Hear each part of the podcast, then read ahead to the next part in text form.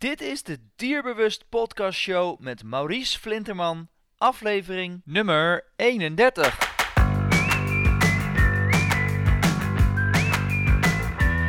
Welkom bij de Dierbewust Podcast Show, waarin je luistert naar experts die je voorzien van de beste informatie, tips en tricks op het gebied van honden.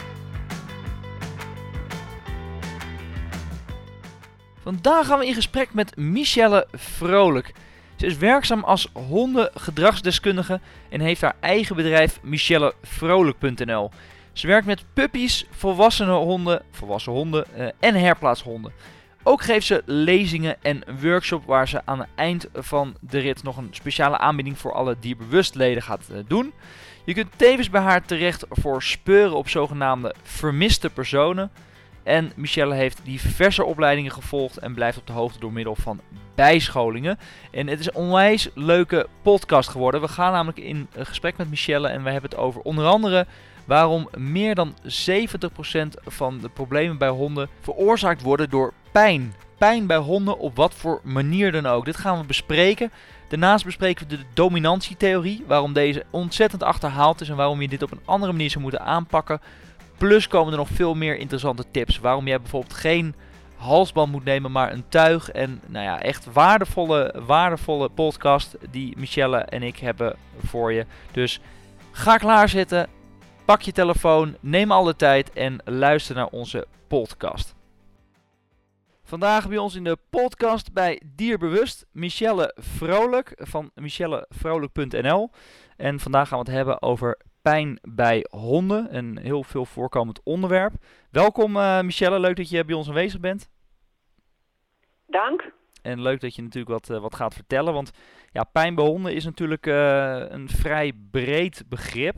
Um, en ik denk ook door heel veel mensen soms wel eens onderschat. Um, maar ja, er zijn toch, uh, het is toch een belangrijk onderwerp waar toch elke hondenliefhebber, hondeneigenaar toch ooit in zijn leven waarschijnlijk wel een keer mee te maken gaat krijgen. Uh, je wil natuurlijk niet, maar ja, het zal toch uh, helaas, ook omdat de honden ouder worden, zal je ermee te maken krijgen. Maar ja, dat is natuurlijk het probleem. Niet elke hond uh, zal natuurlijk op dat moment dat hij pijn heeft, het heel duidelijk laten merken dat hij ergens last van heeft. Um, kun jij wat meer vertellen wat jij onder pijn bij honden schaart in eerste instantie? Dat kan ik. Um, allereerst dank voor de uitnodiging en fijn dat er aandacht aan dit onderwerp wordt besteed. Ik ben er echt heel blij mee. Ja, nou leuk. Um, ik versta onder pijn bij honden eigenlijk alle soorten pijn. En er zijn verschillende soorten. Dus je kunt denken aan lichamelijke pijn, waarbij je dat kunt splitsen tussen acuut en chronisch. En je kunt ook denken aan geestelijke pijn. En vaak liggen ze in elkaars verlengde, omdat lichaam en geest nu immers met elkaar verbonden zijn. En dit geldt voor mensen en het, het geldt ook voor honden. Ja. Um, zal ik daar iets meer over uitleggen en ook uh, twee voorbeelden noemen? Is dat een goed idee? Ja, dat lijkt me een heel goed idee, want het is natuurlijk uh, ja, emotioneel, uh, lichamelijk. nou ja, daar roep je al twee termen of twee, twee zaken die natuurlijk ja, inderdaad in een verband liggen met elkaar. Maar nog misschien wat, wat, wat ruim om te begrijpen wat je er precies mee bedoelt. Het is wel leuk als je inderdaad wat, wat kon onderbouwen. Oké, okay, um, lichamelijke pijn. Bij lichamelijke pijn kun je bijvoorbeeld denken aan een gebroken poot of aan HD, heupdysplasie. Mm -hmm. uh, maar je kunt ook kijken aan uh, klein letsel. En vooral heel klein letsel, microtrauma, komt veel voor de dagelijkse activiteiten. Uh, veel vaker voor dan de doorsnee hondeneigenaar denkt. En het wordt heel vaak over het hoofd gezien. Terwijl het meestal kan worden voorkomen. Dat is tenminste mijn ervaring. Een paar voorbeelden daarvan zijn bijvoorbeeld een goed passend tuig in plaats van een halsband. Mm -hmm. En daar kom ik straks op terug. Ja. Um, het vermijden van het gooien van ballen of stokken, of überhaupt dingen gooien voor de hond waar de hond dan achteraan rent. En dit dan vervangen door bijvoorbeeld neuswerkspelletjes uh, of speuren op zogenaamd vermiste personen.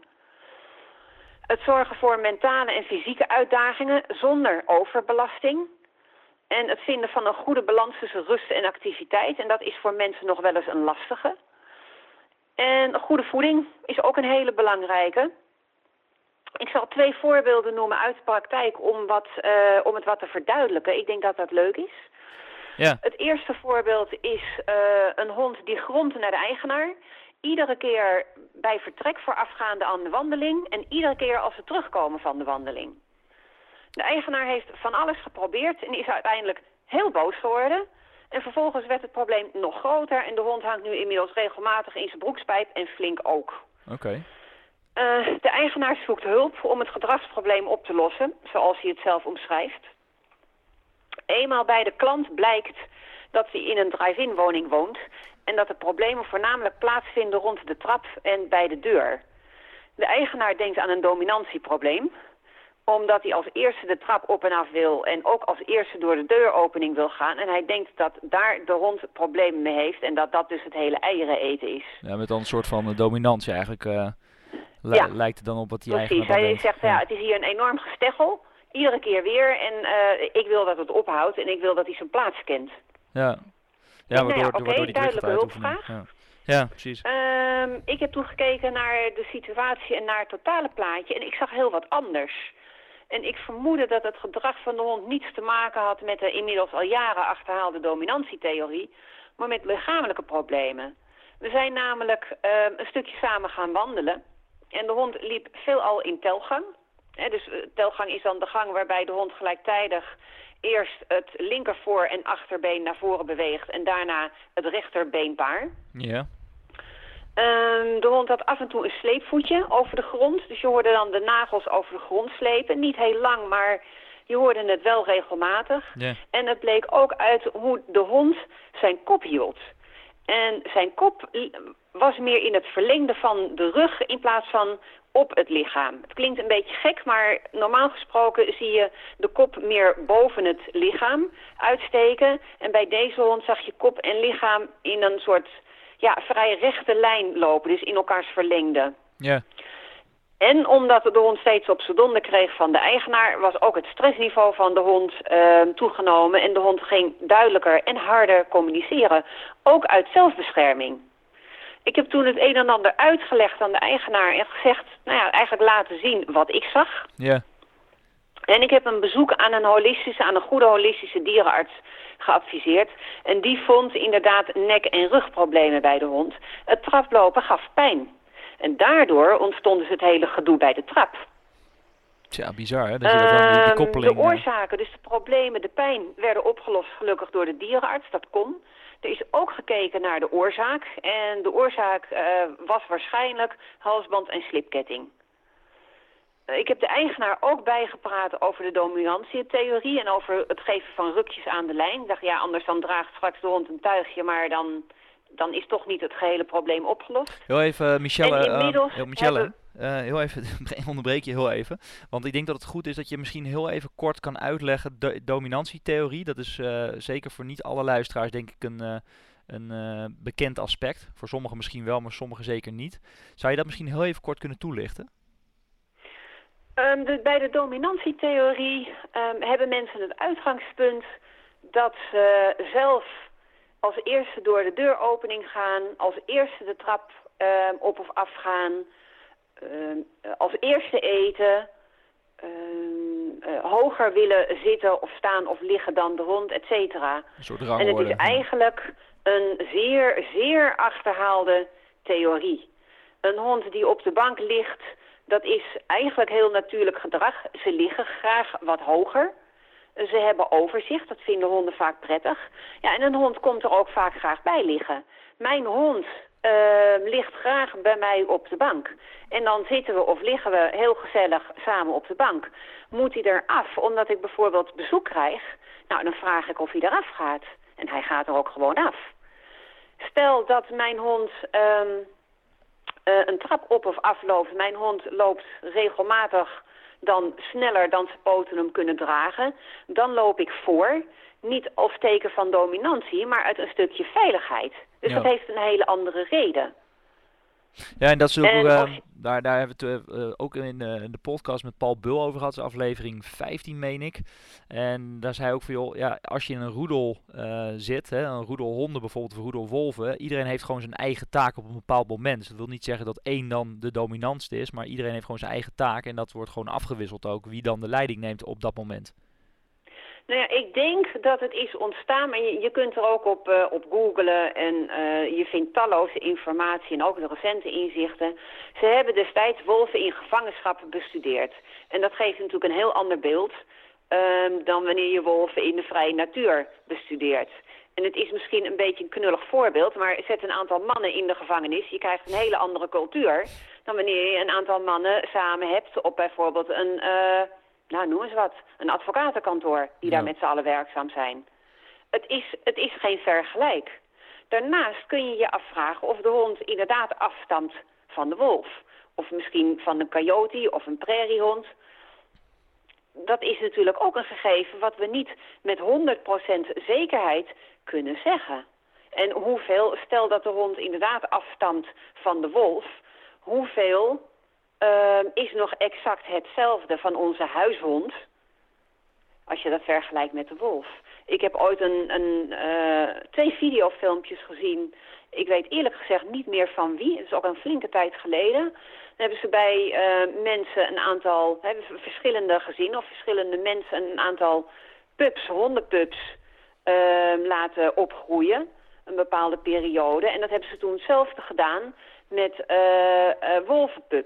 Nou, los van het verhaal of je het eens bent met zo'n test, het verschil was gigantisch. Ik wist niet wat ik zag met, uh, met betrekking tot uh, de, de wolvenpups. Ja. Heel ander gedrag. Heel anders. Dan wat wij gewend zijn, ja. Ja. Dus, nou ja, dat in het kort over de, dan, de dominantietheorie. Is dat zo voldoende? Ja, ja zeker. Dat is wel duidelijk. Oké. Okay.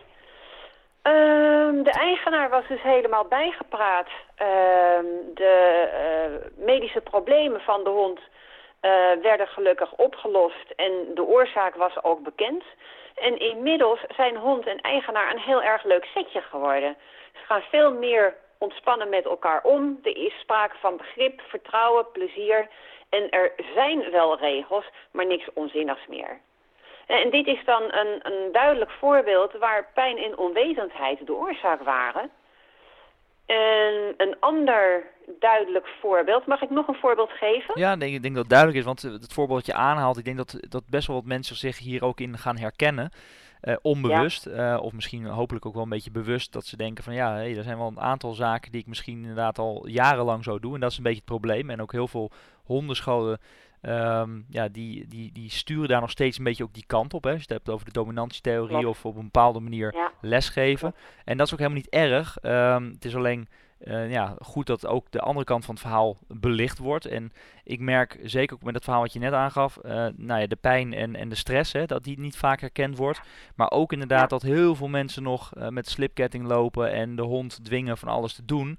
Uh, aan de hand van de dominantietheorie. Ik hoor dat echt in mijn omgeving nog heel vaak van, ja, maar hij moet gewoon luisteren of hij moet gewoon dit of hij moet gewoon zus of zo. Ja, ja, ja. dan denk ik, ja, wat voor band wil je nou met ja, dier? Hetzelfde wat ik laatst hoorde, een hond die redelijk ongenietbaar werd uh, rondom etenstijd. En toen dacht ik al, nou, ik, ik, ik ben benieuwd. Nou, inderdaad, het gezin ging eerst eten. En pas later de hond. En de hond kreeg één keer per dag te eten. Nou, het probleem begon al uh, rondom uh, dat de, het, het gezin bezig was met het bereiden van het eten. Uh, het koken. Ja. Toen dacht ik, ja, de hond valt langzaam maar zeker van zijn graadje. Als je het omdraait... Eerst de hond eten geeft en misschien nog een kluisje zo nu en dan. Die gaat waarschijnlijk tevreden liggen uitbuiken. Nou ja, en daarna ga je je eigen eten voorbereiden en je gaat eten. En ik vraag me af hoe het dan gaat. Nou, dat hebben ze geprobeerd. Ja, toen was het probleem opgelost. Ja, het kan het soms is heel heel simpel erg zijn. vasthouden ja. aan regels en ja, achterhaalde theorieën. En ik probeer altijd mensen uit te leggen, god, uh, kijk eens out of the box. He, als het een niet werkt, probeer eens wat anders. Uh, mensen zeggen ook wel eens, ja, plan A werkt niet. Nou, probeer plan B. Ja, ja en probeer, dat Kijk zie ik dan ook wel eens. Probeer het niet voor drie dagen, maar probeer dan ook echt uh, natuurlijk daar structuur in te brengen. En probeer het dan gewoon eens Ja. één of twee maanden om echt de verandering te kunnen ervaren. Want ja, één dag Ja. of twee dagen iets proberen, dat zal misschien net eventjes te kort zijn, waardoor je het, het gewenste resultaat niet gaat ervaren. Nee, ja, soms wel, soms niet. Het ligt natuurlijk aan, aan de hond, de eigenaar, de situatie. In dit geval uh, ging het eigenlijk vrijwel direct goed. Nou, Ja, nou ja, bijzonder dat, uh, dat je op die manier, ja, zul je heel veel situaties tegenkomen die dan misschien wel vrij simpel zijn op te lossen. Ik kan me ook voorstellen dat je in situaties terechtkomt die niet zo simpel op zijn te lossen. Want je noemde net natuurlijk een aantal zaken hè, die je ook nog heel veel uh, ziet gebeuren. Um, honden uh, die stokken gegooid krijgen. Inderdaad, ja. honden met een halsband. Um, honden met ontzettend veel stress. Um, ja, hoog stressniveau en natuurlijk ook de voeding. Dus misschien kun je, want je wilt nog een voorbeeld aanhalen. Um, ja, uh, ik denk dat het een duidelijke is. Je, je, ik ga gewoon vertellen over het voorbeeld, want anders uh, verklap ik de clue misschien. dat, dat, is zonde. Ja. Um, ander voorbeeld inderdaad. Een volwassen hond die onzindelijk is. Hij is tevens hyperactief, blaft veel en stuitert. Stuitert ontzettend aan de lijn, maar stuitert ook uh, ontzettend in huis. De hond gaat gemiddeld iedere twee uur naar buiten in verband met de onzindelijkheid, maar poept en plast nog steeds in huis ook buiten. En het uh, buitenpoepen en plassen wordt uitgebreid beloond met allerlei lekkere koekjes. En de eigenaar doet heel erg zijn best, maar het gaat gewoon weg niet goed. Mm um, het resultaat is dat de eigenaar ontzettend moedeloos wordt, uh, oververmoeid van het constant naar buiten gaan. Maar ook geïrriteerd. Van nou, ik doe het uh, volgens mij hartstikke goed en het wil niet vlotten. Ja. Zoek daarom hulp. En kijkend naar het geheel, en het is dan eigenlijk ook een, een vrij simpele in dit geval. De hond blijkt op voer te staan wat niet bij de hond past. Je kunt je afvragen of het überhaupt bij een hond past, maar goed, dat is een andere vraag. In dit geval was het voeding en snacks met heel veel granen. Je kon het ook zien aan, uh, aan de hond. Uh, die stond met een bolle rug en een opgetrokken buik. Dus in dit geval was het ander voer glutenvrij voer stressreductie en een paar andere wijzigingen, uh, zoals kennisuitbreiding eigenaar, nou, daar heb je hem weer. Ja. En in dit geval heb ik speuren aangeraden en dat loste het probleem op. Hm. En het blaffen, dat verdween eigenlijk vanzelf toen er ander voer werd gebruikt en andere snacks en rust en regelmaat terugkeerden. Dus dat en allemaal dat is ook waarvan ik zei, en wat ik er net noemde, als mensen uh, trainingsgericht werken in plaats van naar het totale plaatje, als je bij deze hond trainingsgericht zou werken en je kijkt puur naar de hulpvraag, uh, nou ja, onzindelijkheid, uh, dan zou je dus heel erg gaan trainen op zindelijk zijn. Of je zou heel erg gaan trainen op uh, bijvoorbeeld het blaffen. Maar uiteindelijk sla je dan de plank dus mis, omdat het, het, het, zit hem ergens anders in. Ja, het is een breder plaatje. En de hond had buikpijn, was oververmoeid, overprikkeld en ook gestrest omdat hij regelmatig op zijn donder kreeg. Ja, dus die snapte er ook niks van. Als je dan vanuit het perspectief van de hond kijkt. die kon er niks aan doen. Die kon daar echt niets aan doen. En ik begrijp ook wel als eigenaar dat je op een gegeven moment moedeloos wordt als dingen niet willen vlotten. Soms is pijn bij honden ook echt moeilijk te herkennen. Ja. Uh, het, is, het, het is ook een lastige. En daarnaast, ja, emoties spelen mee, uh, onkunde, onwetendheid, onbegrip. Het is ook vaak een, een het totale plaatje. En pijn is ook niet altijd helemaal op te lossen. Eerlijk is eerlijk. Dat geldt voor mensen, dat geldt ook voor honden. Ja, want dat is het, het volgende waar ik uh, op wilde inzoomen. Want ik kan me voorstellen dat nou ja, mensen op dit moment luisteren. En ik krijg ook in het, uh, op het forum uh, bij ons in de community krijg ik vaak genoeg vragen van... Nou ja, mijn hond doet dit, mijn hond doet dat. maar het is natuurlijk voor een hondeigenaar als we dan horen van ja, de onderliggende oorzaken. Want ik geloof dat... Ik heb een keer een een, een workshop gevolgd van Turet Rugaas. En die zei volgens mij zelfs dat 70% van de problemen uiteindelijk onderliggend te maken hadden met pijn. Pijn van die de hond oh, minimaal. Ervaart. Minimaal. Maar eh, ja, de vraag is dan eigenlijk van oké, als dat 70% of misschien wel, wel hoger is. Um, dan hebben heel veel hondeneigenaren uh, dus niet door dat een hond pijn heeft. Dus hoe herken je nou dat jouw hond pijn heeft? Uh, verschillende, op verschillende manieren. Je hebt natuurlijk ook nog, dat zal ik nu bijna overslaan, maar je hebt natuurlijk ook nog geestelijke pijn. Als we dat nu meteen als voorbeeld noemen, en dan kom ik daarna weer terug op je vraag met betrekking tot lichamelijke pijn. Ja. Um, geestelijke pijn kan bijvoorbeeld als oorzaak hebben het uit balans zijn door het overlijden van een dierbare. Dus dan is er sprake van een rouwproces. En die dierbare kan een eigenaar zijn, maar het kan ook een, een hond zijn. Ja. Um, geestelijke pijn kan bijvoorbeeld ook betrekking hebben op herplaatsen of een hond die gepest wordt. En als je kijkt hoe het zich uit, je ziet, uh, je ziet het vaak terug in de ogen dat er iets is. bijvoorbeeld hoofdpijn is wel eens aan mij gevraagd, hoe herken je hoofdpijn bij een hond? Kijk eens naar de ogen en denk ook eens na, hoe herken je hoofdpijn bij een mens? De blik is anders. De ogen hangen op half zeven of de blik ehm, is heel fel. Um, je ziet ook vaak pijn en dat kan lichamelijk zijn, maar het kan ook een, een geestelijke oorzaak hebben. Een vastzittende achterhand, hè? Dus, dus rondom de heupen, de billen. En dat zie je vrij duidelijk bij galop, dus als een hond rent. Dan zie je meestal als de achterhand vastzit een soort konijnenhupje... in plaats van dat het gaat zoals een, hoort, een hond hoort te rennen. Je ziet dan dat de achterpoten bij elkaar blijven. Ja. Ik zie dat bijvoorbeeld bij um, honden die uit een asiel komen. Vanwege de stress, het gaat vastzitten. Bij mensen gaat het meestal vastzitten bij de schouders, hè, bovenop. Dan zeggen mensen wel eens, god, ik heb van die knopen daar zitten. Bij honden gaat het meestal vastzitten bij de achterhand. Hm. Dus daarin, uh, ja, je moet dus eigenlijk heel goed gaan kijken en gaan opletten van, uh, ja, als je gaat lopen, van joh, hoe, hoe hoort een hond nou eigenlijk te lopen en uh, hoe ziet het mijn eigen hond uit? Want het kan natuurlijk ook een tijdelijk probleem zijn. Het is belangrijk om naar het totale plaatje te kijken. hijgen kan een signaal zijn van pijn. Maar het kan ook zijn dat een hond hijgt omdat hij het warm heeft. Of omdat hij buiten adem is, omdat hij net een sprintje heeft getrokken. Maar het kan ook zijn dat het een combinatie is. Dus warm weer en pijn. Ja. En zelfs als een hond afwijkend gedrag heeft van pup af aan, bijvoorbeeld lopend poepen, wat ik ook wel eens gezien heb, dan wil niet zeggen dat het oké is. En dat maakt het dus zo lastig voor mensen om het te herkennen. En het, het is ook moeilijk, we zijn allemaal maar mensen. En uh, het, het kan echt een lastige zijn, juist door de combinatie. En symptomen, want dat is waar je naar, naar vroeg. En mensen kunnen kijken op vocaal. Dus het, het geluid wat een hond maakt. Dus uh, blaffen, piepen, janken, uh, hijgen, et cetera. Maar ook verandering in beweging. Wat ik net uitlegde, het, het. Ja. Maar ook bijvoorbeeld uh, zich regelmatig verstappen. Of wat ik in het voorbeeld aanhaalde, zo'n sleepvoetje over de grond. Um, ja, dan kun je... Het vermijden van... Heel even, nou, wat jij net zegt, inderdaad, die nagel die dan steeds over de grond gaat. Ik heb zelf een herder gehad die dat probleem had. Die had ook een, eh, een afwijking. Uh, mijn eerste herder, Duitse herder. Um, en waar, ik het, waar je het met name aan zag, is dat inderdaad de, de teennagels van één pootje heel erg versleten waren. Ja, zie je het ook. Ja. Dat zie je ook. Je ziet het ook wel eens, uh, nou hebben we hier niet zo heel veel sneeuw uh, liggen. Maar als er sneeuw valt, dan zie je dat ook uh, aan het spoor. Ja, klopt ja. Dan zie je hem uh, lang doorgetrokken zijn inderdaad, dat die nagels ja. geslepen. Ja, ja. ja. Uh, het vermijden van een bepaald type gangwerk.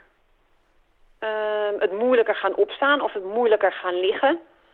Ehm, zich heel regelmatig uitrekken of heel vaak spelbogen maken zonder aanwijsbare reden mm, evenwicht verliezen of bijna verliezen. Bijvoorbeeld een reu die achterpoot minder hoog gaat optillen of wankelt. He, wankelt met zijn hele lijf. Of dat je de achterpoot hebt, tilt zijn achterpoot wel op, maar die zie je een beetje zwabberen. Dat zijn allemaal signalen waarvan je denkt, uh, zou er iets aan de hand kunnen zijn. Uh, verandering in uiterlijk, daar kun je ook naar kijken. Uh, wat ik net al noemde, de ogen. Maar je kunt bijvoorbeeld ook kijken naar uh, verschil in bespiering. Bijvoorbeeld dat een hond aan de achterkant, als je dan de billen ziet, rechts en links van de staart... Uh, dat bijvoorbeeld de ene bil veel gespierder is dan de andere bil. Ja. Of de vacht, dat die heel dof of heel plukkig uh, eruit ziet. Of dat een hond extreem veel verhaart en dat je denkt van ja, ik borstel hem toch goed, met een goede borstel, regelmatig. Hij heeft goed voer, dit was nooit zo... Um, dat kan dan een teken zijn dat er iets gaande is. Eigenlijk um, veranderingen. Veranderingen in gedrag, in, in uiterlijk, uh, verandering in geur. Um, onlogisch gedrag. Daar kun je ook uh, uh, aan, aan denken. Lopend poepen is onlogisch gedrag voor een hond. Of onlogisch gedrag specifiek voor jouw hond. Dat je denkt, nou, dit, dit was nooit zo, waar komt dit nu vandaan? Bijvoorbeeld zijn favoriete kluif laten liggen en kiezen voor iets zachters. Ja. Of uh, niet meer in zijn favoriete mand kruipen. Maar kortom, Of, eh, er eh, zijn eh, dus eigenlijk hond en één ding als ik jou zo hoor, dat je nou ja, ehm, bijna al in paniek eh, raakt als, als hondeneigenaar. Van, joh, er zijn zoveel dingen waar, je, waar, je, waar je op moet letten. Dat, je, nou ja, dat, dat is natuurlijk ook een beetje het, het verhaal. Hè? Dat, dat heel veel mensen die lezen van alles op internet, die zien heel veel. En op een gegeven moment ze zichzelf uit het oog van ja, eh, hou het gewoon simpel, hou het, hou het overzichtelijk en logisch voor jezelf. En dan kom je er wel. Maar mensen worden op een gegeven moment ook helemaal gek gemaakt aan de overheid. Of een, eh, hoe zeg je dat? Teveelheid aan informatie die ze dan eh, tot zich krijgen. En allemaal mensen die van alles vinden, waar ze dan ook proberen, oh, dan moet ik, hier moet ik op letten, daar moet ik op letten. Waardoor ze eigenlijk vergeten van te genieten van het hebben van een hond. Ja, ja, klopt. Nou ja, dat is, dat is ook wel eens een advies wat ik heb gegeven. Stel dat je een kwetsbare hond hebt, bijvoorbeeld door ouderdom of door ehm, eh, een, een, een probleem wat niet geheel op te lossen is. Dan kun je natuurlijk kijken naar ehm, wat wel kan. En soms focussen mensen zich dan zo ontzettend op de problematiek en wat niet kan.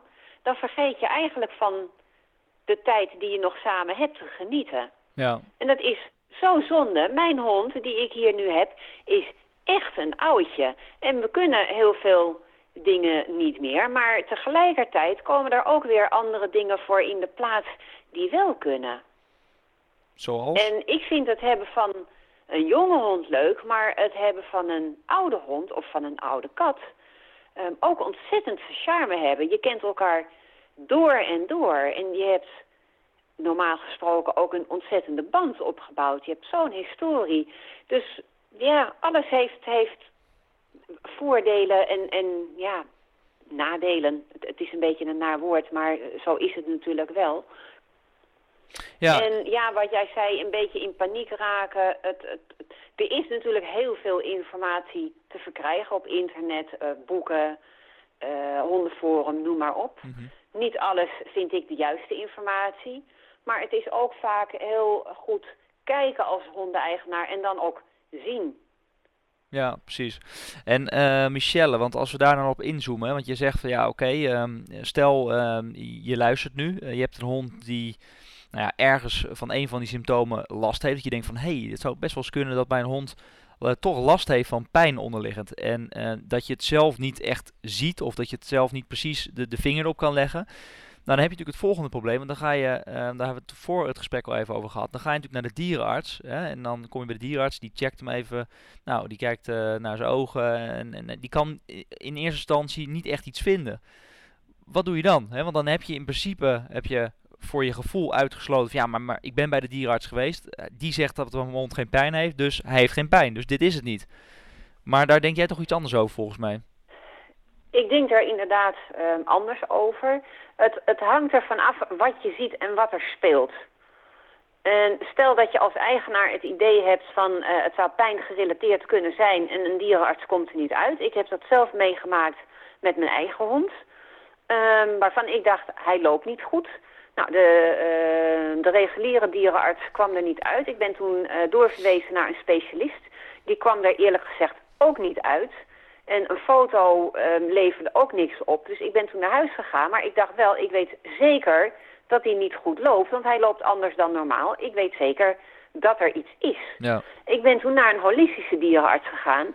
En die zei, ja, je hond loopt inderdaad niet goed. Maar het zit hem niet in zijn poten. Het zit hem in zijn rug. Hij loopt diagonaal kreupel. Oké. En hij kon dat inderdaad ehm, eh, oplossen ter plekke. En daarna liep mijn hond weer een stukje. En toen dacht ik, ja, dit is het. Dus het is ehm, kijken. En als het eh, bij de ene dierenarts niet kan worden opgelost... dan kun je kijken of je iets anders kunt verzinnen. Misschien inderdaad een holistische dierenarts. Of je kunt inderdaad een gedragsdeskundige vragen. Zeggen van, god, eh, hè, hier ben ik geweest. Ik kom niet verder, ze kunnen niks vinden. Kun jij eens kijken of het gedragsmatig is of heb je zelf nog een idee? Hè, niemand weet altijd alles. Het kan best zijn dat een dierenarts de plank mislaat. Ja. Of dat de eigenaar de plank mislaat. Als je samen kijkt, dan, dan kom je vaak een heel eind. Ja, dus dat is wel een En een hele... eh, gecombineerde aanpak werkt ook vaak heel goed. Dus regulier en holistisch. die elkaar kunnen versterken. Ja. Ja, het een hoeft het ander niet, eh, niet uit te sluiten. Het kan ook zijn dat een hond bijvoorbeeld zijn poot breekt, nou, dan heb je de reguliere, het reguliere circuit nodig. En misschien daarna de holistische dierenarts om de compensatieproblemen op te lossen die er wellicht zijn ontstaan. Omdat de hond tijdelijk anders heeft gelopen, tijdelijk veel heeft, heeft moeten rusten. Ik noem maar een paar voorbeelden. Ja, dat, uh, dat zijn goede voorbeelden inderdaad. Dus ja, op het moment dat je dus dat ervaart, um, ja, kijk, uh, kijk goed naar wie je toe gaat. En kijk goed wat diegene eraan doet en of dat ook op de juiste manier gaat. Want wellicht is er iemand die toch een stapje verder kan komen. Uh, waar je nu dus niet kan ontdekken dat er iets mis is uh, en dat je hond dus inderdaad pijn heeft. Het is ook uiteindelijk ja? natuurlijk ook een beetje het onderbuikgevoel wat je erbij hebt. Jij kent je hond het beste. En jij weet ook het beste hoe die op bepaalde situaties reageert. Ja, is dat gewoon anders, dan, ja, dan is er gewoon iets. En dan moet je ja. gewoon voor jezelf ook afvragen en, en actie ondernemen, denk ik. Om, het, om dat te verhelpen. Nu is het natuurlijk zo, um, want we hebben het net over die, die bepaalde punten gehad. Daar wil ik zo meteen ook nog even op inzoomen. Zoals de stokken gooien, dingen die je kunt um, uh, uh, weglaten of in ieder geval niet gaat doen, waardoor je hond al minder snel gaat last gaat krijgen van überhaupt pijn in de toekomst. Hè? Dus problemen mm -hmm. te voorkomen. Maar ik heb laatst ook een heel mooi artikel gelezen over de oorsprong van de hond, hè? dus het, het fokken zeg maar. En ik denk, ik heb het gevoel dat daar ook nog een hele hoop misgaat, hè? van honden die doorgefokt worden of zeg maar vanuit het, eigenlijk al vanaf het begin weet je al van oké, okay, deze hond gaat later problemen krijgen. Um, ja. hoe, hoe, zie je dat? Want Raad van Beheer, en er zijn natuurlijk heel veel fokkersorganisaties die zich aan bepaalde richtlijnen houden, maar dat wil niet altijd zeggen dat het natuurlijk de juiste richtlijnen zijn. Kun je daar iets meer over vertellen? Uh, ja, dat is bij mij, uh, het, het, ligt gevoelig, moet ik, uh, moet ik bekennen. In ieder geval bij mij. Als je kijkt naar, nou ja, twee herkenbare voorbeelden. De Duitse herder. Ja. Um, ik denk dat bijna iedereen wel de Duitse herder van op het moment kent met de flink aflopende rug. Ja, absoluut. En als je kijkt naar hoe de Duitse herder er, nou ja, zeg, uh, tientallen jaren geleden uitzag, dat was heel wat anders. Als je uh, een hond fokt en de hond komt, komt er zo uit te zien als volwassen hond, ik denk dat het vragen is om problemen, lichamelijk en geestelijk. Het gaat hand in hand en een hond met pijn, uh, die heeft vaak een korter lontje, net zoals mensen. Ja. Dus en, er wordt vaak geknutseld aan honden, om maar zo te omschrijven, om ze, uh, ik noem maar wat, uh, een langere vacht of een langere snuit of een kortere snuit of, of nou ja, wat dan ook. Je ziet dat in heel veel rassen terug, dat hoe de hond er oorspronkelijk uitzag en hoe ze er nu uitzien, dat dat een enorm verschil is. Maar daar Wanneer ligt... je knutselt, ja. uh, hoe groter de kans, lijkt mij, um, dat er ook dingen veranderen die je als fokker wellicht niet had voorzien. Dus dat er bepaalde dingen mee veranderen waarvan je denkt, oh, dit is eigenlijk niet wat ik in gedachten had. Ehm, of dat je het wel in gedachten had, maar dat je de consequentie helemaal niet hebt overzien. Ja, en en- er zijn natuurlijk ook, hè, de Duitse herder is dan één voorbeeld. En dan niks te nadelen van Duitse herders. Maar wat ik zei, als je kijkt hoe ze momenteel gebouwd zijn... Ja, wat zal ik daarvan zeggen? nou ja, medisch Ik ben gezien er is het... zelf eh, van blij mee. medisch is het natuurlijk een Eh, hond maar met als het je meeste kijkt problemen. naar andere rassen, er zijn ook rassen die nauwelijks tot niet meer op de normale weg geboren kunnen worden. En die worden geboren via een keizersnede. En dat is een hele andere manier van op de wereld komen dan op de natuurlijke manier. En je ziet dat dat consequenties heeft. Niet altijd, niet bij iedere hond, maar ik kom het wel regelmatig tegen. En dan denk ik, moet je willens en wetens honden fokken ja, die op deze manier geboren uh, moeten worden, omdat het op de natuurlijke, normale manier niet meer gaat. Nou ja, zo zijn er natuurlijk nog wel meer voorbeelden. Ik vind het echt uh, betreurenswaardig. Ik Ja. kan het niet anders zeggen. Uh, Michelle, mm, want dat is een heel belangrijk punt. Uh, dat, zie je, hè, want dat zie je heel veel ook bij, bij hondenliefhebbers. Ja, die, die willen een goede keuze maken. Die, die gaan dan lezen. En die, dan wordt natuurlijk overal gezegd van ja, als je een hond met een stamboom hebt en bij een fokker vandaan, dan, hè, dan weet je dat je, nou ja, tussen aanhalingstekens een goede hond koopt. Wat natuurlijk, nou ja, onzin is. En dat is natuurlijk heel erg lastig, want ja, wat, wat, wat ga je dan doen hè? in dat hele voortraject? Hoe selecteer je dan een hond die, ja, zeg maar, kinologisch, die gewoon eh, qua bouw en, en alle aspecten wel goed zijn. Hè? Dus dit is heel erg lastig om Het in ook doolhof van, van, van fokkers dan de juiste fokker te kiezen die per definitie dan een hond heeft, nou ja, waar je nooit zeker van weet dat hij geen probleem heeft. Maar wat jij net zelf zegt, van ja, als je een hond hebt die dan hè, met zijn Duitse herder, dat voorbeeld, met zo'n schuine rug wordt, um, nou ja, wordt gefokt, hè, opgroeit, dan weet je eigenlijk al zeker dat hij in de toekomst bepaalde problemen gaat krijgen. En ja, ik ben een Duitse, lief, uh, Duitse herderliefhebber. Ja, al mijn honden hebben tot nu toe eh, allemaal een, een, medisch probleem gehad. Ja. Wat je natuurlijk nou ja, niet ik wil. denk, het, het, is, het is moeilijk te voorkomen. Um, ik denk dat het heel moeilijk is om, uh, om een fokker te vinden die helemaal naar wens is hè, van, van de toekomstige eigenaar. Op het gebied van uh, het, uh, kleur, uitstraling, gedrag. Of de hond daar wordt goed gesocialiseerd en goed conform de wensen van de toekomstige eigenaar. Of de pup al gevoerd met, wordt met rouw of juist brok conform de wensen van de eigenaar. Het is lastig. Daarnaast heb je, zoals met ieder beroep, kaf onder het koren. Ja. Um, het kan natuurlijk ook zijn dat een fokker met de, de allerbeste uh, bedoelingen en, en werkwijze en visie bezig is, maar dat een pup um, toch gezondheidsproblemen ontwikkelt of meteen al heeft, um, onvoorzien. Er worden natuurlijk ook mensenbaby's geboren met, met lichamelijke issues. Dus je kan het niet altijd helemaal voorkomen. En sommige fokkers uh, sluiten problemen zoveel mogelijk uit. Ja, en andere fokkers uh, zijn er wat, uh, staan er wat anders in. Ja, maar daar een screeningsproces, proces, en daar zullen we dan niet te ver over uitweiden, dat is eigenlijk een onderwerp apart. Wel een interessant ja. onderwerp trouwens. Dat is dus wel heel ja. erg belangrijk al om in de toekomst uh, problemen te voorkomen. Omdat je eigenlijk al zeker weet dat je bepaalde honden nou ja, een hele grote kans hebben op problemen in, in de toekomst, min of meer. Dat is eigenlijk ja. wat je zegt. Ja, ja. ja ik vind het voor de eigenaar heel sneu. Want nou ja, je schaft een, een, een hond aan, een, een pup aan. En je verheugt je daar ontzettend op. En je verheugt je op het leven wat, wat je samen met de hond gaat hebben. En dan, dan is het soms inderdaad een soort uh, recipe for disaster. Dat ik denk, uh, jee mineetje. En ik vind het ook buitengewoon sneu voor, voor de hond. Ja. Want wat, wat als een hond van nog geen één jaar fikse medische problemen heeft en die zijn niet op te lossen.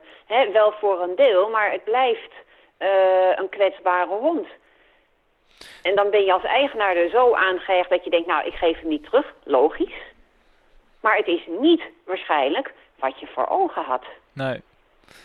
Nee, dat uh, kan uh, natuurlijk het plezier ontzettend drukken, want je hebt een hoop uh, ja. stress en zorgen ervan. En het is natuurlijk een hele speurtocht om dan je hond wel optimaal te krijgen, wat je natuurlijk uiteindelijk allemaal wil. Ja, dat, dat is lastig. Maar goed, als we het, dat is dus een, een heel belangrijk aspect hè, voor, voor pijn bij honden in, in, wellicht in de toekomst ook. Dat je, dat dus, mm -hmm. dat je daar in ieder geval een goede zoektocht onder vindt of onderneemt. Maar stel nou dat je een, een, hond nu hebt, hè, want je, je noemde dus, uh, je moet geen stokken gooien. Nou, dat zie je heel veel hondeneigenaren nog doen. Um, honden met halsbanden slash uh, slipkettingen. Die slipketting ja. wordt misschien niet altijd gebruikt op de slip, maar nog steeds draagt hij een, een, een, een, halsband of een ketting om zijn nek. Um, voedingsstress noemde je. Um, kun je daar even wat verder op ingaan, ook qua stokken gooien, et cetera, waarom jij dat niet zou doen, omdat je dan uiteindelijk dus pijn bij honden zou kunnen gaan zien bij jouw hond? Wat je, wat je meestal ziet is dat uh, de eigenaar een bal gooit voor de hond. De hond gaat plankgas erachteraan. Die gaat vol in de remmen bij de bal. Gaat met een beetje geluk plankgas weer terug met de bal naar de eigenaar. En gaat daar dan weer vol in de remmen. Het is heel belastend voor het lichaam. En de kans op blessures wordt vergroot. En je kunt bijvoorbeeld denken aan verrekkingen of gescheurde banden, afgescheurde nagels, gebroken poot, gekneusde teen, etc. De hond gaat immers van stilstand naar plankgas, vol in de remmen, plankgas, vol in de remmen. En tijdens het spel laten honden meestal niet of niet duidelijk zien dat ze pijn hebben. Maar bij thuiskomst, vaak als ze een tijdje gelegen hebben, als je ze dan overeind ziet komen, dat je denkt oei. En er zijn... Uh, ja, veel mensen of, of er zijn in ieder geval mensen die zeggen... ja, nou ja, mijn hond vindt het ontzettend leuk, uh, uh, ik blijf het toch doen. Nou ja, goed, uh, helaas staat het iedereen vrij. Maar ik vind het... Ik vind het een afrader. Ja. Ik kan het niet anders zeggen. Nou, om verschillende redenen. Het gebit slijt vaak veel sneller. Uh, je hebt ook kans op stikken. Tijdens het opvangen bijvoorbeeld de bal achter in de keel van de hond schiet, waardoor de hond kan stikken. Veel honden, uh, eigenlijk bijna alle honden, worden heel druk van een bal. De opwinding stijgt en het stressniveau neemt toe. Ik vind uh, voer en uh, speelgoed ook een van de snelste manieren om een hondengevecht te laten ontstaan. Dus daarom vind ik het ook een afrader. Um, ja, veel redenen eigenlijk. Ik kan niet anders zeggen. Maar Michelle... En het gooien van stokken, ja, dat, dat heeft toch een, een extra nadeel. Dat als een, uh, een stok wordt gegooid...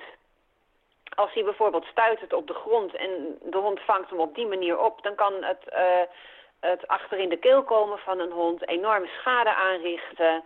Uh, dan is een operatie nodig, et cetera. Het, het, het, hond, een, een, uh, een stok kan ook vastkomen te zitten door de, tussen de tanden van de hond. Uh, nee, ik, uh, nee. Yes, ik ben daar echt een ontzettende tegenstander van. Ja. Je hebt uitzonderingen. Stel dat je een hond hebt die heel reactief is naar andere honden.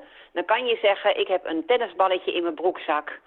En op het moment dat je in een situatie komt waarvan je denkt, oh jee, en je zegt tegen je hond, kijk, uh, uh, hier is de bal, loop maar met mij mee, en je haalt hem op die manier uit de situatie, dan kan ik me voorstellen dat je zegt, nou, het, uh, het is een redmiddel. Ja. Maar het is een heel ander uitgangspunt, een hele andere reden. En daarnaast zou je kunnen kijken, waarom is de hond reactief naar andere honden? Heeft hij pijn, hè, terugkomend op dit onderwerp, slechte ervaringen, et cetera dan kom je dus weer terug op de vraag waarom. Maar ja, in de tussentijd moet je wat en dan kan dat een oplossing zijn. Maar ik ben er erg op tegen. Ik zie veel problematiek daaromtrent. Ja, en uh, ja, daar kan ik ook weer op ingaan, maar dat doen we even niet, want uh, anders gaan we aardig aan de tijd zitten. Uh, als je dan kijkt naar een tuig, want ik vind dat ook nogal, ik vind dat zelf ook een hele belangrijke. mensen hebben onder aan de strepen, als je over straat wel eens loopt, dan zie je soms een hond naast de fiets of, of een hond die dan in één keer ergens iets ruikt en er naartoe wil en dan ontzettende klap op die schildklier in die nek krijgt. Ja. Um, ja.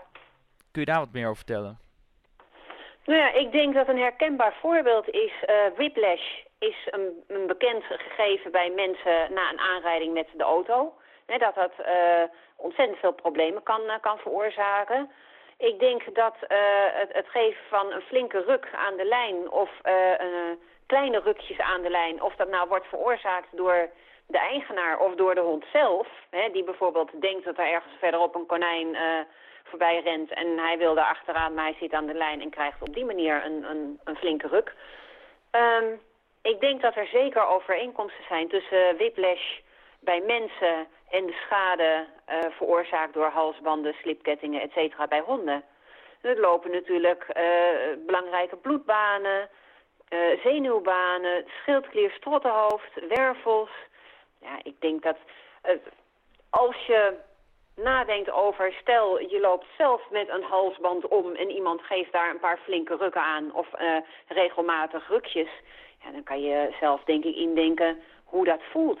Of als je loopt in een tuig, hoe dat voelt. Je hebt meer bewegingsvrijheid, je kan beter communiceren, maar het is ook lichamelijk veel veiliger. Eh, afhankelijk van wat voor tuig je kiest. Ik, ik bedoel dan zeker niet een anti-trektuig, maar een goed passend uh, tuig. En Hakihana is daar een goed voorbeeld van, die verkoop ik. Maar je kan bijvoorbeeld ook kiezen voor Perfect Fit, Happy Dog, um, afhankelijk van wat bij de hond past. Sommige um, tuigen zijn gevoerd met vlies. Dat kan heel prettig zijn voor een hond, bijvoorbeeld voor een naakthond. Ik noem maar een voorbeeld, of een hond met huidproblemen. Maar voor een andere hond um, is het misschien te warm of te veel tuig. Of als een hond uh, heel vaak het water inplonst, waardoor het allemaal ontzettend lang nat blijft, um, ook niet het geschikte tuig. Dus ook daarvoor geldt weer goed kijken. Ja, nou ja, dat is inderdaad een belangrijke. Want uh, ik denk dat als je kijkt naar het tuig en de halsband, dat heel veel mensen nog inderdaad van oude, uh, ouderwets uh, met slipketting omlopen en dan, dan niet op slipstand hebben staan. Maar niet onderaan de streep of zeg maar zich bewust zijn en beseffen hoe vaak die hond toch nog zeg maar in die lijn hangt en op die nek een nou ja, een klap krijgt. Ik denk dat heel veel mensen dat onderschatten. Nou ja, kijk naar een nekhernia. En stel dat het niet een nekhernia wordt, maar bijvoorbeeld wel een, een nekprobleem. Je ziet vaak dat mensen dat dan niet herkennen. Hè. De eigenaar herkent het niet. De hond krijgt misschien een korter lontje. Nou ja, die krijgt dan de volgende correctie, omdat hij op zijn kop krijgt, want de eigenaar wil dat niet. En als het um, dan doorloopt, het, het probleem, dus het nekprobleem wordt niet opgelost, dan zie je vaak dat meer problemen gaan ontstaan. Een hond gaat compenseren. Of het loopt door in de wervelkolom, dat een hond bijvoorbeeld ook rugproblemen krijgt. Ja, hoe herken je nek- en rugproblemen bij een hond? Ja dat is voor, voor veel mensen een lastige. Ja, de hond, de hond loopt dan wel met pijn. Ja, en uh, de schade in principe, hè? de hond heeft pijn, maar dat is ook niet heel snel op te lossen. Ja. Dus, uh, dus ja, ik, uh, ik ben een heel groot voorstander van tuigjes. Ik ben ook een heel groot voorstander van een vaste lijn in plaats van een flexlijn. maar ja, het, het, is, het is net wat jij zegt. Je, je ziet het toch nog uh, heel veel. Halsbanden, slipkettingen, antitrektuigen. Ja, helaas. Ja. Ja, maar goed, uh, als we deze informatie uh, zoveel mogelijk weten te delen met de juiste mensen. Hè, we hebben al best wel hele mooie onderwerpen besproken. Ook de dominantie natuurlijk. Maar ook dit zijn mm -hmm. gewoon hele standaard dingen die eigenlijk een no-brainer zijn voor veel mensen. Maar ook voor heel veel mensen niet. Maar dat hou je toch altijd. Kunnen we toch hopelijk de wereld een beetje beter maken. En uh, dat is natuurlijk uiteindelijk ook het doel van, van de podcast, om zoveel mogelijk mensen te, te informeren erover. Um, dan heb je nog een hele belangrijke staan, uh, voeding. Nou, uh, binnenkort heb ik weer ook in de community een hele mooie online workshop waarin we het gaan hebben over de feiten en fabels van voeding. Er wordt echt ontzettend veel commercieel wordt er natuurlijk nog verkocht, terwijl er onderliggend, nou ja, koop je eigenlijk gewoon rotzooi. Daar ben ik echt van overtuigd. Um, voeding is dus ook een hele belangrijke uh, die jij legt met de link naar pijn bij honden. Ook al één in je voorbeeld die je aanhaalde. Um, wat is wat jou betreft um, belangrijk bij voeding? Kijken wat, uh, wat het beste bij je hond past. Ja. ik, ik ben een groot voorstander, als ik eerlijk ben, van rauwe voeding. Het past niet bij ieder hond. Het past ook niet bij iedere eigenaar. Um, het is vooral kijken wat past het beste bij de betreffende hond. Ik denk niet dat je uh, één iets hebt wat uh, voor iedere hond geschikt is, zijn of haar hele leven lang. Nee. Het kan bijvoorbeeld zijn dat een hond um, geopereerd is aan zijn maag en daardoor tijdelijk ander voer nodig heeft. Of dat een oude hond uh, moeite krijgt met het verteren van rauw voer en iets anders nodig heeft. En uh, mijn eigen hond heeft jaren, jaren op um, rauw voer gestaan, op een biologisch rauw voer. En daar ging hij fantastisch op. Totdat ik op een gegeven moment merkte, met zijn oude, op zijn oude dag, en hij is echt oud, um, dat hij het met lange tanden ging eten. Uh, hij ging er minder goed op. Inderdaad leek hij wat meer last te krijgen van zijn maag. Toen dacht ik, oké, nou, tijd voor verandering. Ja. Uh, ik heb hem nu gezet op uh, gegaard of gestoomd vlees. Uh, verschillende smaken, verschillende merken. Ik heb heel erg gelet op de ingrediënten. Wat zit erin? Um, en ik heb uiteraard gelet op uh, wat vindt hij lekker. Want dat, dat vind ik ook een, uh, een belangrijke. Dus het is ook een kwestie van kijken wat bij de hond past. Maar ook wat nu past, past wellicht later niet meer. Of wat nu niet past, pas misschien later wel weer. En ik ben, nou ja, min of meer van mijn eigen geloof afgestapt van rouwvoeren voor mijn eigen hond naar inderdaad gegaard vlees, omdat hij daar beter op gaat. Ja. ja, dan doe ik dat. Ja, grappig dat je dat zegt. Ik heb precies hetzelfde. Ook mijn hond uh, deed op een gegeven moment niet goed meer op vers vlees. En uh, nou ja, in de omgeving werd het natuurlijk hard gelachen. Want ik was degene die natuurlijk verkondigde dat het allemaal zo goed was. En uiteindelijk stond mijn eigen hond er niet meer op. Maar ja, goed, wat je zegt, als je eigen hond er niet meer goed op doet, hij wordt wat ouder en kan het rauwe vlees niet meer verteren. Of er zijn andere zaken die meespelen. Ja, dan, dan zul je wel moeten. En uh, ja. Nou ja, dat is dan ook een, uh, een, een, prettige boodschap voor sommige mensen om, om zeg maar ook weer dat van hun schouders af te laten vallen van oké, okay, ik, uh, hè, ik hoef het niet allemaal op de manier van een ander te doen. Ik kan ook gewoon mijn eigen weg volgen daarin.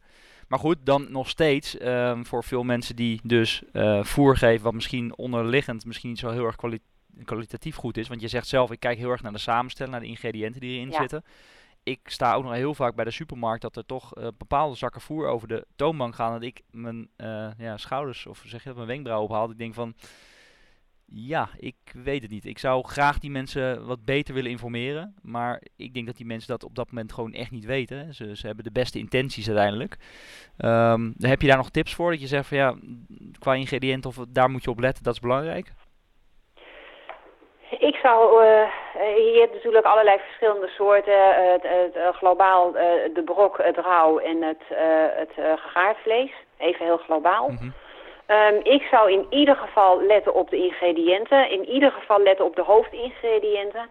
Begint dat met uh, tarwe, aardappel, zetmeel en uh, bietenpulp, dan zou ik het links laten liggen. Ja. Het hoofdingrediënt, dat is het eerste ingrediënt wat genoemd wordt bij de ingrediëntenlijst. Dat zou naar mijn mening vlees of vis moeten zijn. En dan kun je daarna kijken wat er, wat er verder nog um, in zit. Uh, ik heb zelf het liefste uh, veel vlees of vis als hoofdingrediënt. En veel bedoel ik dan niet 20% of 30% mee, maar nou ja, zeker 50 tot 70% wel. En dat kan gelden voor brok, uh, of voor gegaard vlees, of voor, voor rauw. Uh, daar zou ik naar kijken. Als het goed is, kijk je als mens zelf ook naar de ingrediëntenlijst op hetgeen wat je koopt in de supermarkt voor jezelf of op zijn minst voor je kinderen. Dus waarom niet voor je hond? Het is toch de brandstof waar je op gaat. En um, mijn ervaring is dat duurvoer niet altijd goed hoeft te zijn, maar goed voer is wel vaak aan de prijs. Maar ze hebben er dan ook vaak minder van nodig. Ja, want dat is even een, belangrijk. Hè? Want uh, dat zie ik tegenwoordig ook heel veel voorbij komen op voorraad. En uh, dat inderdaad iedereen roept van ja, je moet een hoog percentage vlees in hebben. Nou, dat klopt natuurlijk. Hè? Dat is natuurlijk ook belangrijk. Maar niemand zegt wat over de kwaliteit van dat vlees. Want ook de kwaliteit van dat vlees. Hè? Het laatste, of tenminste van de week natuurlijk een schandaal vanuit Brazilië. Dat er een bepaalde vlees over is gekomen wat Waar uh, nou ja, in ieder geval heel veel dingen aan toegevoegd zijn.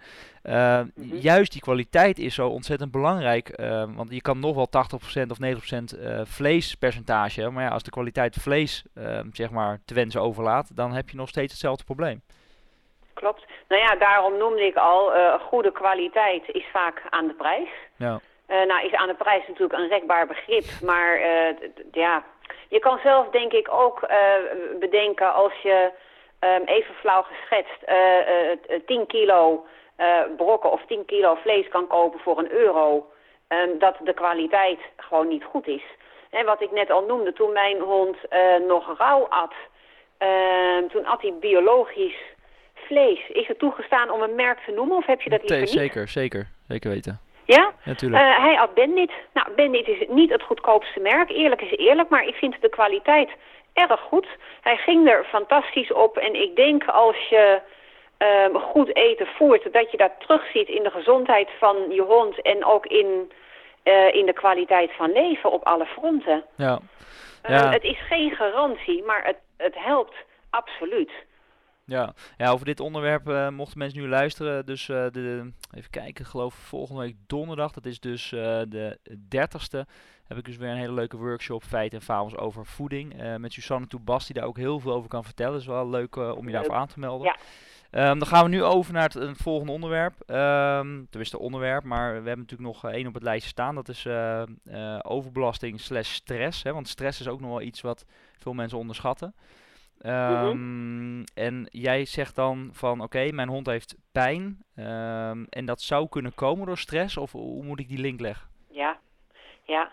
Um, uh, als je kijkt naar stress bij mensen, dat is denk ik heel herkenbaar voor bijna iedereen. Stress doet nare dingen.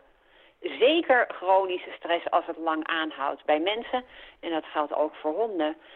mensen kunnen allerlei klachten krijgen van, van stress. En helemaal als dat op een gegeven moment doorwerkt naar het immuunsysteem. Ja, dat geldt ook voor honden. denk bijvoorbeeld aan uh, onverklaarbare jeuk bij honden. Geen floten bekennen, voer is goed, et cetera, et cetera, et cetera. Uh, dat kan goed komen van, van stress of een combinatie van dingen. Uh, pootkluiven, uh, dat is ook zo'n uh, voorbeeld. Het kan zijn pijn, dat een hond kluift op poten omdat het er zeer doet. Maar het kan ook stress zijn. Er zijn heel veel stressgerelateerde klachten bij, bij honden. Ik vind pijn en stress een van de grootste veroorzakers voor problemen bij honden, ongewenst gedrag bij honden. En stress kan bijvoorbeeld worden veroorzaakt door overbelasting. Te veel doen, te hoge druk ehm, op de hond leggen, ehm, te veel verwachten. Um, maar het kan ook bijvoorbeeld veroorzaakt worden door te weinig doen. Een hond die de hele dag opgesloten zit in een bench. Het kan ook zijn door het verkeerde te doen. Dus het is, daar geldt ook weer heel goed kijken. Uh, pijn kan natuurlijk ook een, een reden zijn voor stress. En dat vind ik, het, het sluit min of meer aan op je vraag. Maar ik wil hem heel graag nog even benoemen. Ehm, mensen die uh, na bijvoorbeeld een verstapping het nog wel even aankijken. Ja. Um, dat is wat mensen nog wel eens doen. God, de hond loopt kreupel. Nou, ik kijk het nog maar eens even een paar dagen aan en dan zien we wel verder. Dat kan een goed idee zijn, maar het heeft ook een risico. Een hond kan gaan compenseren, waardoor je het misschien na een paar dagen niet meer ziet. Waardoor je dan denkt, nou, het is weg, opgelost, klaar. Maar het zit er dan in feite nog wel. En de opeenstapeling van uh, microtrauma's, dus van die kleine dingen en die compensaties, leiden op termijn altijd tot klachten. Dus ik ben altijd erg voorzichtig met even aankijken. en de klachten, nou ja, die kunnen natuurlijk ook weer goed leiden tot stress. Het onbegrip uh, van de eigenaar of onwetendheid met betrekking tot het korte lontje... of niet meer willen lopen of misschien, dat heb ik ook een keer meegemaakt... een hond die na een wandeling de auto niet mee in wilde. Ze konden wel naar huis wandelen, maar de auto wilde er niet meer in. Nou, de eigenaar dacht gewoon aan onwil en die dacht... ja, de hond heeft dikke pret gehad in het bos die wil gewoon niet naar huis. Nou, uiteindelijk bleek dat de hond gewoon de auto niet meer in kon na de wandeling vanwege pijnklachten. Ja. Op de heenweg ging het nog wel, omdat hij dan rustig gelegen en geslapen had. Maar de terugweg, na een intensieve wandeling met ballen gooien... Nou, dan kreeg je het dus inderdaad weer plankgas uh, vol in de remmen... Uh, de hond, uh, het lukte de hond gewoon niet meer om de auto in te komen. Ja, en het probleem werd steeds groter, omdat de eigenaar werd boos, uh, geïrriteerd, legde de druk op, gaf een flinke ruk aan de lijn ja, dan, dan, dan, ja, het, het, het wordt allemaal uh, steeds minder leuk. En dan krijgt de goed bedoelde wandeling in het bos een hele andere wending. Het is gewoon heel zonde. Ja, precies, want van de hond die niet meer in de, auto wil, die krijgt, die wordt geschild, van stapt die auto in, die wordt aan getrokken. Ja, dan krijg je natuurlijk ook al snel dat de hond denkt van ja, luister, ik moet mezelf verdedigen, ik doe er een grom en met, met, laat mijn tanden zien. Nou, uh, vervolgens denkt de, of de, de, de, de klant, de, de, de hondenliefhebber, die denkt, hey, je zit nou toch niet te grommen en je tanden te laten zien, hij is dominant naar mij. Nou ja, van, van, van het ene komt dan het andere. En dat is, uh, dit is wel triest ja, als je... Ja, en dan breidt het zich als een olievlek uit. En deze hond in kwestie, die bleef dus op een flinke uh, afstand van de auto al staan. Dus die stond dan nog min of meer aan het, uh, in het bos, omdat de auto was geparkeerd aan de bosrand. Dus de hond bleef in het bos staan, wat de eigenaar opvatte als de hond wil niet naar huis, die wil in het bos blijven. Maar de hond dacht van ja, zo meteen uh, begint het gedoe bij, bij die auto, dat gaat me niet lukken. Blijf ik blijf ja. daar vandaan. Ja, precies. Ja, um, nou ja, in ieder geval um, sluit alles een beetje op elkaar aan. Het is een heel uh, lang verhaal. Dan heb ik nog uh, eigenlijk, uh, want ik denk dat pijn bij honden, nou, iedereen zal het herkennen, maar ik denk dat iedereen goed in zijn achterhoofd moet, of in het tussenoor moet knopen dat meer dan 70% volgens jou dus van de problemen die ontstaan bij honden, van gedrag tot en met nou ja, andere zaken die ze laten zien, tot, tot blaffen, et cetera, kan dus te maken hebben met pijn. En die pijn die kun je dus mm -hmm. zelf uh, heel snel over het hoofd zien. Omdat ze het zelf dus inderdaad goed compenseren of het niet willen laten zien. Dan heb ik nog twee vragen voor je. Want we hadden het net uh, over stress. Nou, over stress is natuurlijk een hoop verteld ook. Een hoop uh, wordt er over geschreven. Er um, zijn veel dingen over te vinden ook. alhoewel, als je dan goed gaat kijken... Heb je natuurlijk het boek uh, Turit Ruga's en Kalmerende Signalen. Je hebt nog een, een ander boek ook. Um, ben ik even de naam kwijt. Um, is een vertaalboek uit het Duits. Blafgedrag. Ja, wat, wat ik me afvraag, veel mensen willen het eigenlijk in de praktijk brengen. Die willen er beter in worden en die willen eigenlijk een soort van oefeningen met een hond hebben om dat stress bij een hond te her gaan herkennen. Hè? Dus dat je beter de signalen opvat, opvangt. Alleen, mm -hmm. heb jij iets waar mensen zich dan in kunnen gaan verdiepen naast de, de, boeken die we net genoemd hebben? Want dat is eigenlijk hetgeen wat ontbreekt, vind ik, in op de markt dat er niet echt een handklare handleiding is of iets waar mensen dus naar kunnen gaan kijken om zichzelf te gaan ontwikkelen op dat gebied.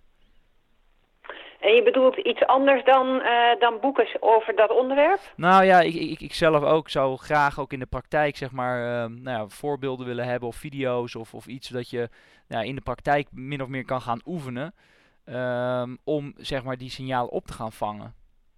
Eh, heb ja, jij daar iets voor? ik ehm, veel doe, maar ja, daar, iedereen staat daar eh, vrij in, maar ik promoot het ook heel erg. ehm, is, ehm, ik geef heel regelmatig lezingen. Mhm. En dan veel met beeldmateriaal, dus videomateriaal erbij, dat mensen het, het eh, kunnen zien. Want het is eh, erover lezen en het daadwerkelijk dan ook nog ehm, leren zien. Dat zijn toch ja. vaak twee verschillende dingen. Precies. En beeldmateriaal, videomateriaal heeft als groot voorbeeld dat je het eh, zo vaak kan bekijken als je zelf wilt. Dus je kan dan op een gegeven moment denken van god, eh, ik zag dit niet of ik zag misschien dat niet. Je kan dat eh, samen gaan kijken. Je kan kijken samen met een professional, bijvoorbeeld dat je een lezing bijwoont of een workshop. Maar je kan het bijvoorbeeld ook in je eigen vriendenkring eens bekijken.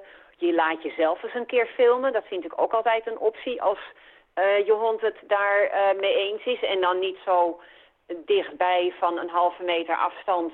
Want dan wordt dat heel onprettig voor hond en eigenaar, want je voelt je toch bekeken. Ja. Eh, maar van een wat grotere afstand. En dat je dat filmmateriaal eens eh, terugkijkt. Hè, als je kijkt naar balletdansers, die oefenen heel vaak voor een spiegel.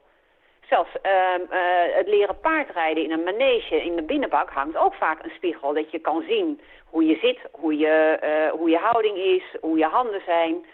Ehm, als je kijkt naar wat wij doen met eh, honden, het, het wandelen of het, eh, het, het sporten, ehm, daar hebben we geen spiegel. Niemand houdt ons ook vaak een spiegel voor, letterlijk of figuurlijk. Ja.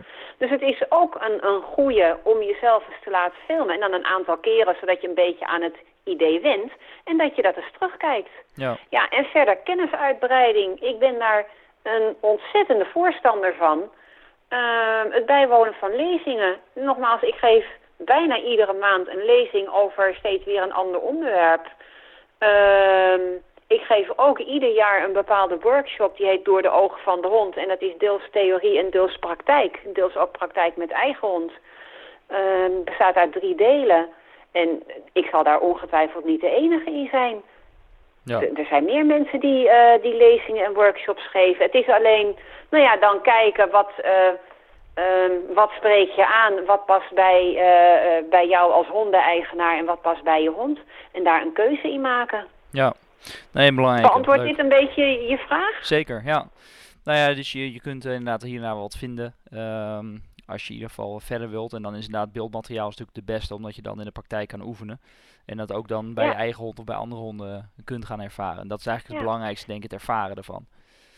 Ja, en het is ook leuk als je videomateriaal hebt. Het is natuurlijk een heel leuk aandenken, toch al een vroegtijdig aandenken. Maar het is dan toch ook weer, terugkomend op het thema pijn, daar past het ook bij.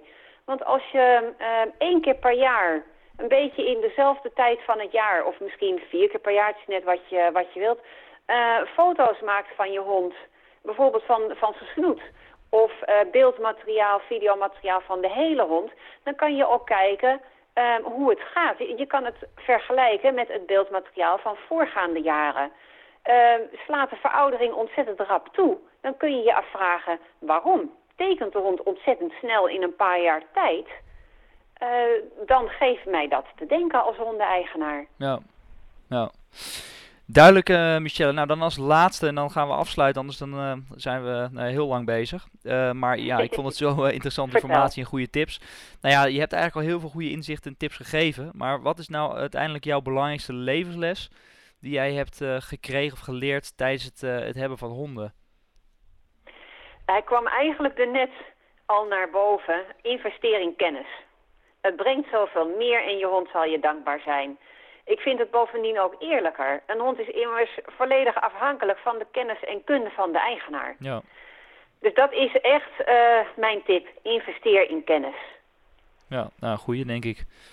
En dan kom je steeds, eh, steeds een stapje verder. En eh, sommige mensen die eh, zijn het begin, sommigen die hebben natuurlijk al wat meer informatie, al veel geïnvesteerd. Maar het is ook leuk om te doen, omdat je dan uiteindelijk een betere band en een betere ja, ook ontwikkeling van jezelf meekrijgt. Want het is niet alleen wat je kunt reflecteren op je, op je hond, maar natuurlijk ook op jezelf. En daar gaat het uiteindelijk ook om, dat je Ja. gezamenlijk, gezamenlijk eigenlijk je ontwikkelt.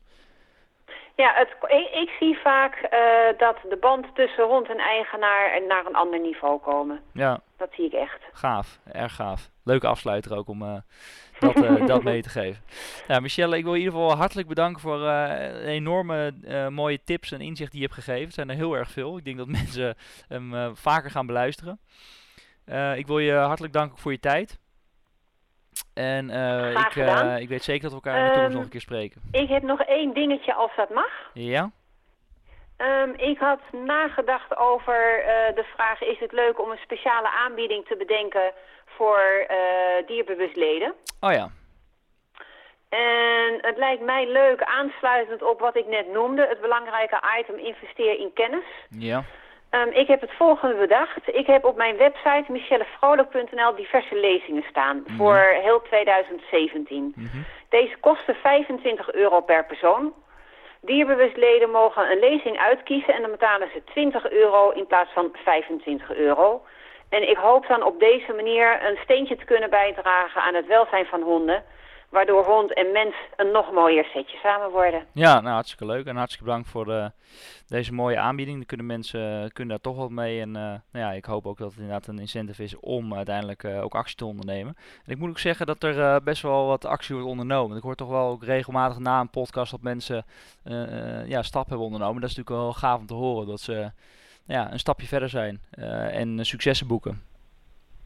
Ik hoop het. Ik, eh, ik zou het geweldig vinden. En Dat is wat ik in het begin al zei. Ehm, heel erg dank voor de uitnodiging en ook eh, dit thema. Ik ben heel erg blij met, eh, met alle aandacht die het, eh, die het krijgt. Ik vind het echt een heel belangrijk thema. Ja, nou ja, en ik denk dat eh, de luisteraars zullen beamen.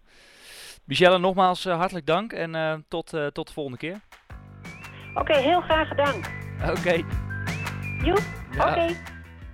Bedankt weer voor het luisteren naar deze hele waardevolle podcast, al zeg ik het zelf. Ik denk dat er heel veel hands-on tips zijn gegeven waar jij gelijk, eh, waar je direct actie op kan ondernemen. Dus ja, wil je meer weten over Michelle, ga dan naar onze website dierbewust.nl slash 31, waar een link naar haar website staat waar je alles over haar kunt vinden. En wat zij de afgelopen tijd allemaal heeft gedaan en heeft bereikt, et cetera. Met, eh, met haar honden, maar ook met de honden van, ja, over het algemeen komen probleemhonden natuurlijk bij haar. Mocht jij nou een workshop of iets van haar willen eh, volgen, dan kun je natuurlijk lid worden van Dierbewust. En dan krijg je dus korting op haar workshops. Korting niet alleen op haar workshop, maar ook op andere zaken. Zoals voeding, online cursussen over onder andere vaccinatie. En we hebben natuurlijk ook daarnaast de, de tweewekelijkse workshops, online workshops die je kunt eh, volgen met specialisten. Absoluut een aanrader. Alle workshops die tot nu toe zijn gegeven staan in een online omgeving. Die kun je ook gewoon rustig op je gemak kun je terugkijken. Je kunt al je vragen stellen op ons forum aan mij, aan hondenliefhebbers, maar ook aan andere specialisten die daar rondlopen om jouw vragen te beantwoorden. En natuurlijk omdat jij nog meer mensen wil ontmoeten die dezelfde passie als jij hebben. En dat zijn natuurlijk honden. Dus wil je lid worden, ga naar dierbewust.nl slash lid. Dan kun je lid worden en vind je alle informatie om de, de dingen die je moet doen om lid te kunnen worden.